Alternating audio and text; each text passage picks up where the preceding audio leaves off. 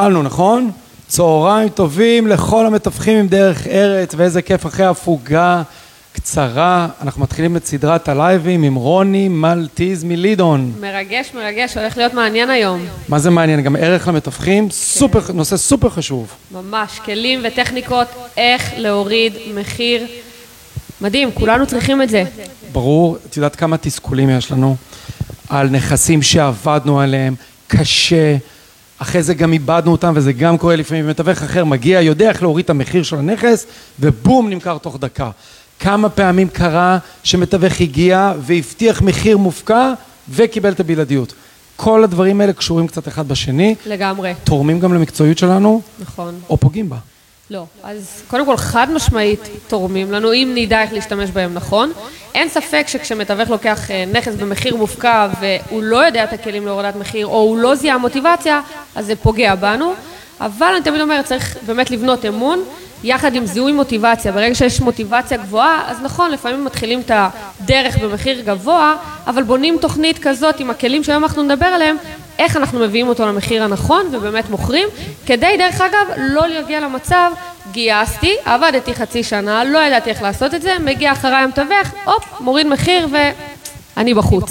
אני אשאל אותך שאלה שנשמעת הכי הכי בסיסית, אבל היא התחלה טובה לשיחה. יאללה. למה צריך להוריד מחיר? מאיזה סיבות? אה, מתי צריך להוריד מחיר?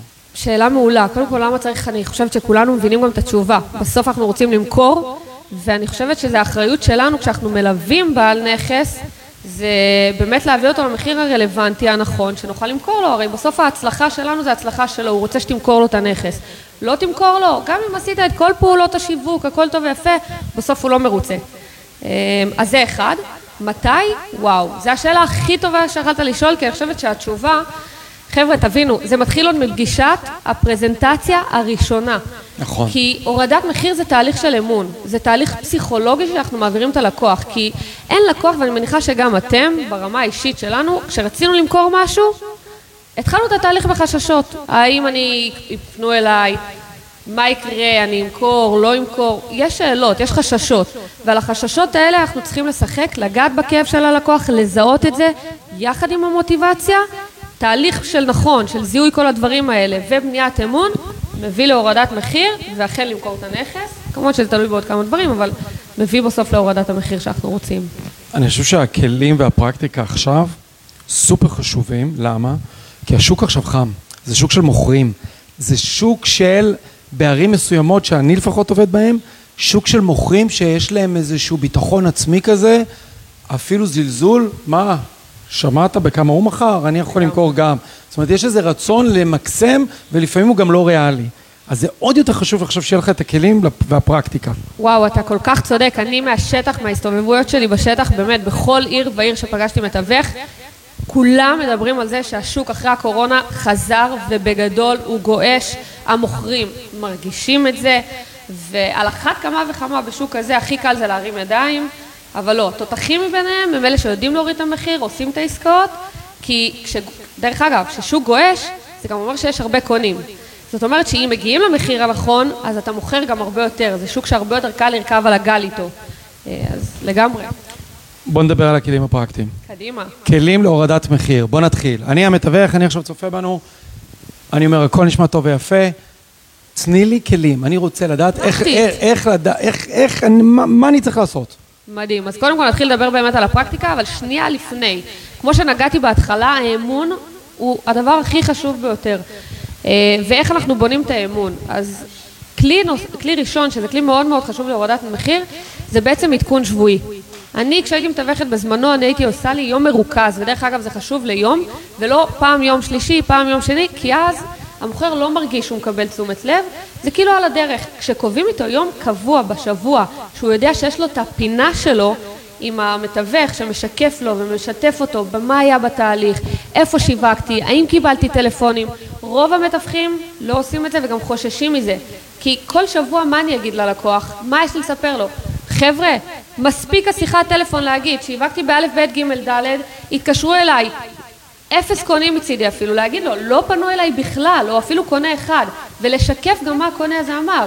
הקונה לא, לא היה מעוניין להגיע לראות, כי המחיר בעיניו אף פעם לא אל תשתמשו בשפה של בעיניך, כי אתה מתווך, אתה בא לייצג את הצד שלו. בעיני הלקוח, בעיני הקונה, לא היה לו רלוונטי להגיע לראות במחיר הזה. התהליך הזה של העדכון, של הפינה פעם בשבוע, מייצרת אמון מאוד מאוד חזק, ולא רק שמייצרת אמון, יש פה משהו מאוד חזק שאתם משקפים לו את הדרך.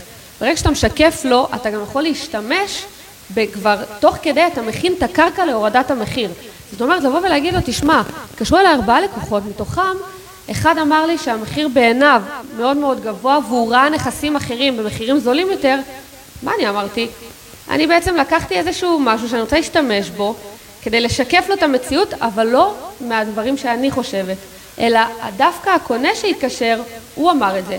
זאת אומרת, זרקתי איזושהי פצצה, עכשיו, אני יכולה להגיד לך בוודאות שהפצצה הזאת נשארת ללקוח, למוכר, הרבה זמן בראש. הוא יישב על זה כל היום לחשוב על הדבר הזה, זה מטריד.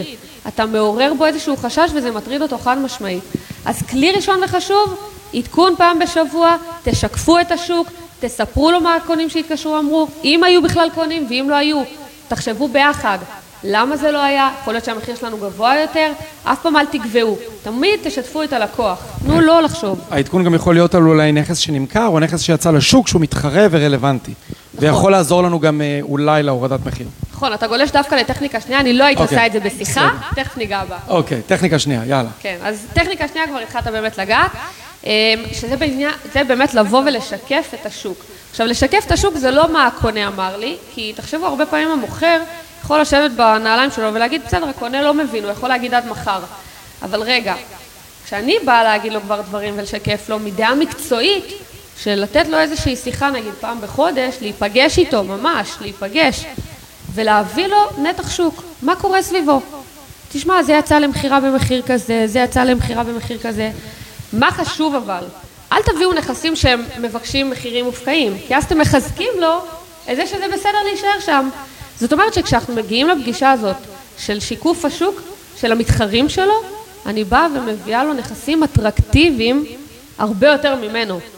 ובאותה פגישה, זה כבר כלי שלישי, מה אני עושה? מעבר לשיקוף השוק, אני מסבירה לו שברגע שהוא מוצע במחיר הרבה יותר גבוה, הוא מהווה איזושהי קרש מקפצה למתחרים שלו.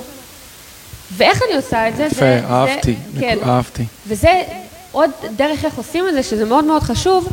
כשאתה בא ואומר לו את הקרש מקפצה באמת, אתה שואל אותו דווקא מהעיניים שלו כקונה. תגיד לו, אתה עכשיו מכרת את הנכס, אתה תצא לראות נכסים, נכון? אתה תרצה לקנות. כשתקנה, אתה תראה את הדירה הראשונה ואתה תקנה אותה? לא. אתה תצפה בעוד המון מודעות, אתה תחרוש על השוק, אתה לא רוצה לצאת במרכאות פראייר. זאת אומרת שאתה נותן לו איזושהי, אה, מדריך אותו, דמיון מודרך, מה קורה לקונה שמתקשר אליו. שהוא גם רואה את הדירות האטרקטיביות ששנייה לפני כן, אתה הצעת לו, אתה הראת לו את הדירות האלה. והוא בעצם מקבל מתוך החוויה איך הוא מהווה קרש מקפצה לנכסים המתחרים שלו. והם ימכרו ואתה לא. וזה מוביל לטכניקה השלישית גם. אני קצת אקשה עלייך, אבל אני מוכר, ואני הישראלי הממוצע, ואני יושב לי פה ואני אומר, מה? אני מעדיף לבקש כמה שיותר, כי ממילא מי שיגיע וכן יציע הצעה, הוא ירצה לו שאני אוריד מהמחיר. אז אני מעדיף להיות ברף הגבוה. יש לזה אולי גם קונוטציה שלילית, אוי, הוא לחוץ, בגלל זה הוא מוריד מחיר. איך, איך, הרי, הרי זה, זה, זה משהו שעולה כל הזמן. נכון. מה אומרים בנקודות כאלה? אז תראה, קודם כל אם הלקוח באמת משתמש בדבר כזה, אני מעלה בכדי שהקונה ייתן לי הצעת מחיר וניפגש באמצע, צריך להגיד לו מאוד פשוט. הקונה מראש לא יגיע לראות, הוא לא יפנה. כי כשהוא יראה מחיר מאוד מאוד גבוה ביחס למה שמוצע בשוק, הוא, הוא ישאל את עצמו שאלה מאוד פשוטה, למה לי בכלל להתקשר ללקוח? אתה בעצם מפספס את הקונים. ואז אתה מוביל אותו דרך באמת השאלות שאלות האלה, למה שהקונה יגיע אליך אם הוא רואה נכס יותר והוא יתקשר יותר? הוא מבין כבר שהוא מפספס המון המון קונים בדרך. זאת אומרת, המחיר הגבוה מאלץ בהכרח אחרים לא להגיע אליו. אוקיי, okay. בוא נדבר עכשיו שנייה על הפן הרגשי, שאני חושב שהוא חלק גדול מהעסק שלנו. יש קשר למוטיבציה, לרמת המוטיבציה, יש איזשהו משהו שאנחנו מתפעלים צריכים להבין בשביל להשתמש בכלים האלה?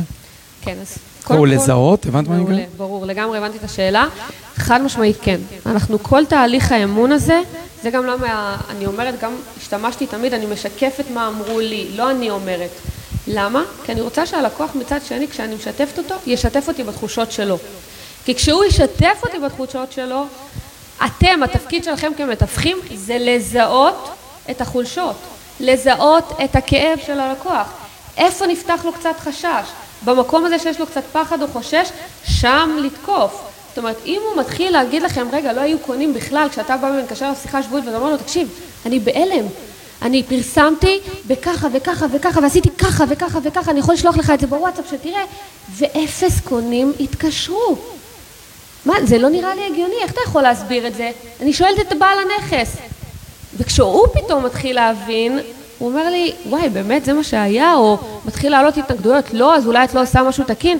לתת לו כמובן את הכל, הנה עשיתי ככה וככה, בוא תראה, לשלוח לו, לא, לתת לו, הרי תמיד הכי קל לזרוק אשמה, הוא ינסה לזרוק עליכם אשמה בוודאות, כולנו שם. נכון. אבל אחרי השלב הזה של האשמה, אם בנית אמון טוב, הוא יתחיל לשתף אותך בחששות, בפחדים, במה הוא לא, לא טוב, ושם אתה צריך לתקוף. שם אנחנו מתחילים להוריד מחיר, כי אמרנו, כל השיחות השבועיות זה הכנה להורדת מחיר. לסיכום, זה נשמע שבשורה התחתונה הכי חשוב זה בניית היחסים. נכון. מערכת היחסים, האמון, אולי הרמה המקצועית שלנו, שאותו מוכר ידע שיש על מי לסמוך, ואנחנו באמת הכתובת והאנשים שמבינים הכי טוב את השוק. נכון, אבל לא לבוא ולקבוע את זה, אלא... לבנות את זה. בדיוק, כשהוא ירגיש את זה. אני רוצה שהוא יבוא וירגיש את זה, וכשהוא מתחיל להרגיש, אני לא מצפה שזה יבוא ממנו.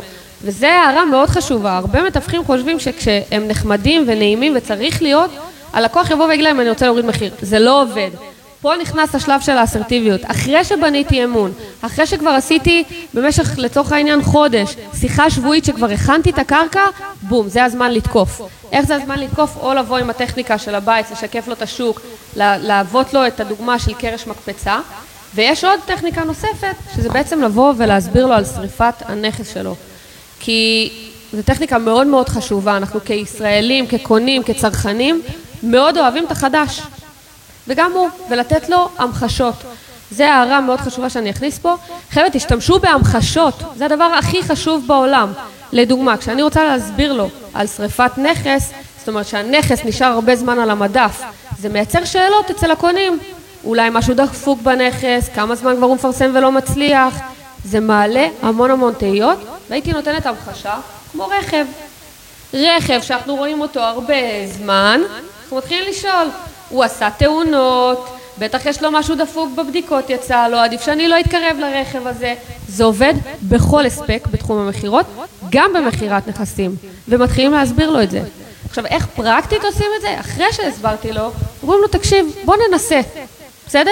בוא ננסה, אני לא אומר לך עכשיו בוא נתפרע, נוריד במחיר מטורף, אבל בוא ננסה עכשיו לבחון את השוק, כי ראינו שאחרי כל השיווק שעשיתי, אחרי כל הדברים האלה, אין לנו פניות, בוא נוריד בעוד 30, 40, 50, הכל תלוי כמובן הקפיצות בהתאם לכמה הבית מתומחר, האם 300 אלף מעל המחיר שוק ואז זה לא קפיצות של 50 אלא של 100 אלף, אבל באמת לבוא ולהגיד לו בוא ננסה, בוא ננסה לשים משהו חדש לשוק, ננסה לראות הערנות, האם יש ערנות חדשה. מה אתה אומר? נוריד 50 אלף? עכשיו אני גם לא הייתי משתמשת במילה נוריד, טעות שלי, אלא הייתי אומרת נעדכן את מחיר הנכס. בוא ננסה לעדכן, כי נוריד יש לזה קונוטציה שלילית והמוכר שומע את זה, זה לא תמיד נעים. אז בואו ננסה לעדכן בכדי להביא איזושהי אה, אמרה חדשה, וואלה, יש לי בית שווה, ואני הייתי משתמשת בעוד משהו, הייתי אומרת לו, אתה יודע מה, אני גם, לא רק שנעשה עדכון במחיר, צילמתי את הנכס מקצועית, אני אנסה לשנות כמה תמונות, אני אשנה את המלל כדי שיראו שזה נכס חדש. נכון, נקודה סופר חשובה. בדיוק. זו טכניקה נכון. מאוד.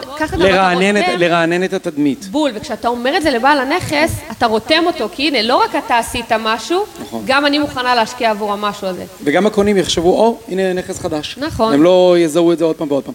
אז. לסיכום, תנו לנו את השלושה כלים, שלוש כלים שנתת לנו בהתחלה.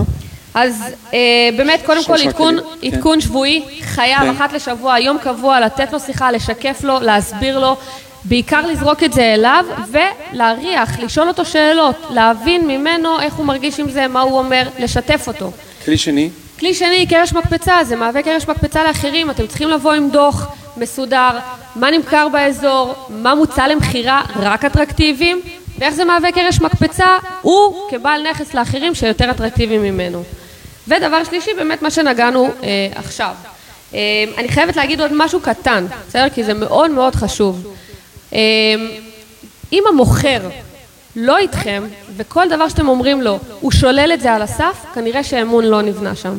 זאת אומרת שמשהו לא עשיתם טוב בדרך, ולכן צריך מההתחלה לבנות את האמון הזה. אמ, ואיך אני הייתי בודקת את זה, אם הוא איתי או לא איתי? יש שאלות. לצורך העניין, שאלה, מה יקרה אם לא תמכור? כשאני שואלת את בעל הנכס, תגיד, מה, מה יקרה אם לא תמכור? כי כרגע אתה רואה, זה לא הולך. מה יקרה אם לא תמכור?